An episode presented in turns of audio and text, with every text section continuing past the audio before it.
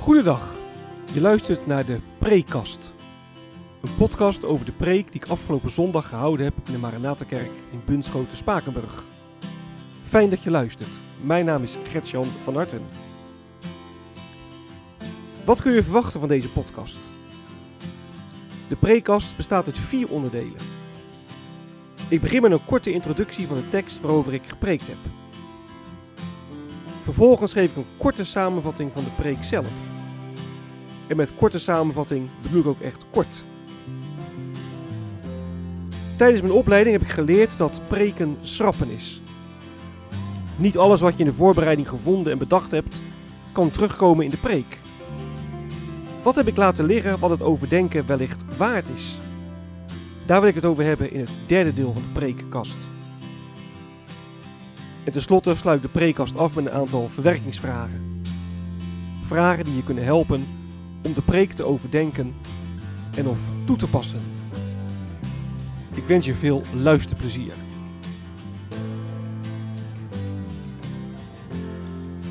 De tekst.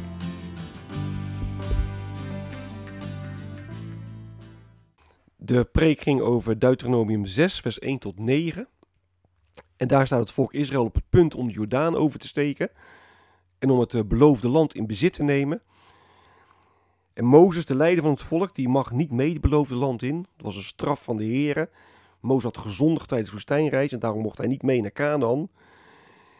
En Mozes is bezorgd, hè? hoe zal het straks gaan met het volk als ik er niet bij ben? En dan gaat hij het volk nog één keertje toespreken. En dan zegt hij heel indringend, denk erom als jullie straks in Canaan zijn, dan moeten jullie niet vergeten dat de Heer jullie God is. Dan moeten jullie Hem gehoorzamen, Zijn geboden in acht nemen en voor Hem leven. En dan staat bijvoorbeeld in Deuteronomium 6, vers 6 en 7. Hou de geboden die ik u vandaag opleg steeds in gedachten. Prent ze uw kinderen in en spreek er steeds over, thuis en onderweg, als u naar bed gaat en als u opstaat. Dus de, Israëlieten wordt echt op het hart gebonden. Denk erom, straks in Canaan, wees de Heere gehoorzaam. De preek.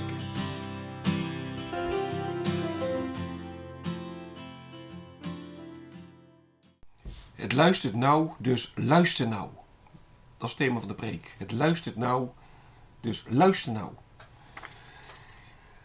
Ouders moeten hun kinderen Gods geboden inprenten.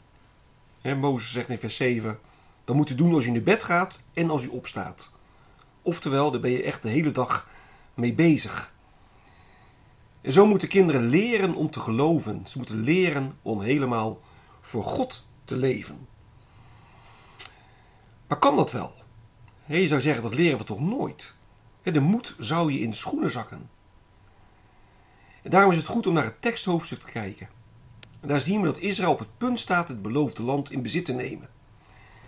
En dan spreekt Mozes het volk nog een laatste keer toe. En zegt Mozes, luister, de Heere onze God, de Heere is de enige. vers 4. Heere, dat is de, ja, de verbondsnaam van God. En God heeft zich aan zijn volk verbonden. God heeft zijn volk uitgekozen, niet andersom. En we moeten leven naar Gods geboden. We moeten God gehoorzamen. Maar niet als voorwaarde om bij de Heer te horen. Maar dat moeten we doen als kinderen van God, omdat we bij Hem horen. Het begint echt allemaal bij de Heer. Het begint niet bij onze inspanningen. Dus als de Bijbel zegt je moet God gehoorzamen, je moet zijn geboden naleven, moet je daar beginnen. Bij het feit dat we bij de Heer horen, bij het feit dat de Heer zich aan ons verbinden wil.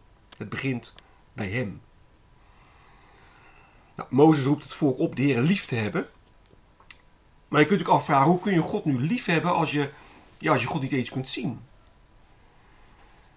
Nou, in 1 Petrus 1, vers 8 en 9 staat dat we dat kunnen als we ons richten op het einddoel van ons geloof. Als we ons richten op onze redding. En het einddoel van ons geloof, onze redding, is de komst van Gods koninkrijk. Als je daarop focust, de komst van dat, op de komst van dat koninkrijk, dan voedt dat je liefde voor de Heer. En net als in het teksthoofdstuk. Het volk op het punt het land in bezit te nemen. Een land dat overvloeide van melk en honing. Een land van overvloed. En dat vooruitzicht, dat een overvloed stond te wachten, ja, dat was reden genoeg om God lief te hebben. En daarvoor gaf God ook zijn geboden. He, Mozes zegt in vers 2 dat God ons een, een lang leven wil geven. Nou, dan kunnen we echt heel echt aan, aan, aan het eeuwige leven denken. God wil ons eeuwig leven geven. En daarom ook die indringende waarschuwing van Mozes. Als je je niet aan Gods geboden houdt, dan raak je de Heer kwijt. En dat wil de Heer niet. Nou, Mozes die was een, een middelaar tussen de Heer en het volk. Maar Mozes kon niet voorkomen dat het fout ging in het beloofde land. om het volk te kunnen redden, om het volk echt het echte, lange, eeuwige leven te kunnen geven, was er een andere middelaar nodig. En die middelaar, dat is Jezus Christus. En nu zeg ik natuurlijk niks nieuws. Dat weten we allemaal wel, dat Jezus Christus de volmaakte middelaar is. Maar vraag je nou eens af, ben je echt onder de indruk van wat Jezus heeft gedaan? Ben je onder de indruk van wat Jezus vandaag doet en wat hij nog gaat doen? Ben je echt door het evangelie van Christus, van Christus begeesterd? En dan begeesterd echt met een hoofdletter G. En God die geeft ons zijn geboden vanuit liefde. Omdat hij eeuwig met ons wil leven. God wil met zijn geest in ons hart werken. Hij wil ons denken, ons doen en ons laten beïnvloeden. Hij wil aan de, de knop in ons leven draaien. En daarom moeten wij onze kinderen ook Gods geboden inprenten. Ja, ouders die dragen een bijzondere verantwoordelijkheid. Ze moeten het geloof overdragen. Dan kunnen we onze kinderen het geloof niet geven, absoluut niet. Dat moet God echt doen. Maar ouders hebben wel een ja, grote verantwoordelijkheid. Hoe leven zij het evangelie voor? Hoe praten ze over de Bijbel, over de kerk, over het geloof? Kunnen kinderen zien dat het evangelie ja, hun ouders iets doet? Kunnen kinderen echt zien dat het evangelie het doen en laten van, van hun ouders bepaalt? Kijk, Gods geboden inprenten, dat is iets anders dan, dan het doorgeven van allerlei regels.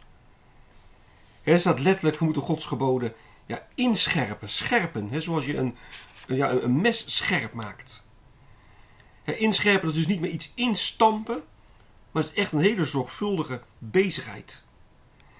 Het is ja, de, de volgende generatie vertellen over Gods bedoeling. De volgende generatie wijzen op de liefde van Jezus Christus. Ja, daar gaat het om in, in de geloofsoverdracht. In het tekstgedeelte worden we opgeroepen om Gods geboden te gehoorzamen, om echt helemaal voor God te leven. Maar het luistert nou, dus luister nou. Begint echt allemaal bij de Heer, bij Hem alleen. Het begint bij de Heer die ons mee wil nemen naar zijn koninkrijk. En ons daarom zijn geboden geeft. Geboden die wij op onze beurt weer moeten doorgeven. En in geloof mogen aannemen. Wat is blijven liggen?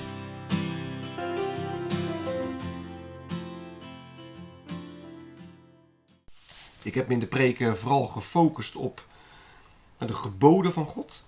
Die geboden moeten ingescherpt worden, die moeten steeds in gedachten houden. Waarom? Waarom uh, vraagt de Heer dat van ons? En ik heb in de preek geprobeerd aan te geven dat je dat niet wettisch moet opvatten. En vandaar ook het thema: het luistert nauw, dus luister nauw. Maar je kunt ook andere elementen als uitgangspunt nemen voor je preek of andere elementen uitwerken. En denk bijvoorbeeld aan, aan vers 4. Luister Israël, de Heer onze God, de Heer is de enige. Staat er in, nieuwe, in de nieuwe Bijbelvertaling. ik heb in de preek aangegeven dat dit eigenlijk de belangrijkste belijdenis is van de orthodoxe Joden. twee keer per dag zeiden ze dit op, s'morgens en s'avonds, als, als een gebed. En het wordt wel het Shema genoemd. Shema, dat is Hebreeuws betekent luister, hoor. luister Israël, de Heer onze God, de Heer is de enige.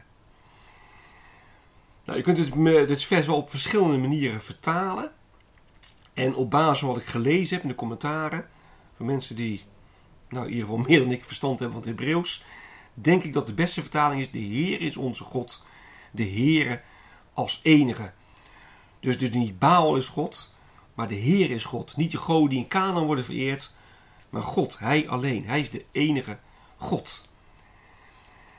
Nou, je kunt dan in de preek ook wel, dan zou je ook kunnen zeggen, ja oké, als de Heer de enige is, hè, geen plek voor afgoden. Welke afgoden hebben wij vandaag? Hoe gaan we daarmee om? Hoe moet je tegenaan kijken? Dus ook vanuit die insteek, nou kun je een preek opzetten. Als je preekt over Deuteronomium, 6. Het volgende wat we noemen is vers 3. Er staat: Luister dus Israël. neem de geboden van God nauwlettend nauwlettend in acht. Dan zal het u goed gaan in het land dat overvloeit van melk en honing. En dan, ja, dan zult u sterk in aantal toenemen. Zoals de Heere, de God van uw voorouders, u heeft toegezegd. En er wordt wel vaak gezegd, hè, in het Oude Testament gaat het om ja, de belofte van een aardse zegen. Dien je God, dan gaat het goed. Dien je God niet, dan gaat het slecht. En dat is in het Nieuwe Testament anders.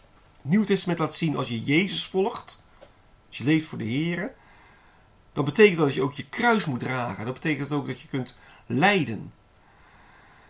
Nou, ik wil nog een keertje eigenlijk ook wel doordenken in hoeverre dat nou klopt. Hè? Dat onderscheid Oude Testamenten gaat om aardse zegen, Nieuw Testament om, om geestelijke zegen. Want ik weet niet of, echt wel helemaal, of je dat wel zo sterk kunt zeggen. In het Oude Testament zie je ook voorbeelden van mensen die, die God dienen. Die echt voor de Heer leven en het toch zwaar hebben. Die toch met moeite geconfronteerd worden. Ik denk bijvoorbeeld aan Job, maar ook aan Psalm 73. Psalm 63 aanschaf. Hoe kan het nou? Hè? Ik zie mensen die, die helemaal voor de Heer leven. Of die mensen die, die zonder God leven. En die gaat het goed. En ik wil voor God leven en ja, ik heb moeite. Bij mij gaat het niet goed moet je niet anders tegen het Oude Testament aankijken. Dus niet van het Oude Testament, dat belooft voorspoed als je God dient. Het Nieuwe Testament zegt het gaat om geestelijke zegen. Maar moet je niet zeggen, en ik zeg niet dat het is hoor, maar dat is wel iets waar ik over nadenk. Dat het Oude Testament inderdaad zegt, als je God dient, ja dan, krijg je voorspoed. Maar het Oude Testament ook steeds laat zien, ja het probleem is juist dat wij God niet, niet blijvend kunnen dienen. Het gaat iedere keer weer fout. Tijdens de woestijnreis in Canaan, op een gegeven moment is zelfs zo erg dat, dat het volk in ballingschap moet. Oftewel, het Oude Testament laat zien, als het van mensen afhangt, dan kun je zegen van God wel vergeten. Want wij kunnen God niet blijven dienen. Wij kunnen God niet volmaakt dienen. God moet echt ingrijpen, want als God niet ingrijpt, dan gaat het fout. En dan het Nieuwe Testament dan, dan, dan laat zien dat God in Christus ingegrepen heeft. Nou, dat zijn allerlei vragen waarover je kunt nadenken en het licht van het evangelie over kunt laten schijnen. Nou, het laatste puntje dat ik wil noemen, dat is vers 7. dat je de geboden je kinderen moet inprenten, dat je er dag en nacht mee bezig moet zijn. Het gaat over het belang van de geloofsopvoeding. Ik heb ook al gezegd in de preek dat dat heel belangrijk is. Hè, dat hoe je als ouders het geloof uh, overbrengt, hoe je spreekt over nou, het leven met Christus. Maar ik heb eigenlijk niet aangegeven hoe je nou op een goede, verantwoorde manier uh, ja, inhoud geeft aan de geloofsopvoeding. Nou, hoe kun je je kinderen nou echt verantwoord die geboden van God inscherpen? Hoe kun je nu echt het evangelie goed voorleven? Kijk, ik ben geen pedagoog, dus ik vind het best wel lastig om allerlei tips te geven. Maar Mozes zegt, je moet er steeds mee bezig zijn. Als je thuis bent, als je onderweg bent, als je bed gaat, als je opstaat. En dan zegt hij over de geboden ook nog: hè, draag ze als een teken om je arm, als een band op je voorhoofd. Schrijf, schrijf ze op de deurposten van je huis en op de poorten van de stad. En orthodoxe Joden die, ja, die nemen dat letterlijk. Maar ik geloof dat je het vooral figuurlijk moet zien: hè? dat de geloofsopvoeding niet iets is wat je met bij doet, maar dat de geloofsopvoeding iets is waar je continu de aandacht voor moet hebben. Om aan te geven: het is ontzettend belangrijk. Maar hoe je dat dan precies doet, ja, dat is dan weer vraag 2. Verwerkingsvragen.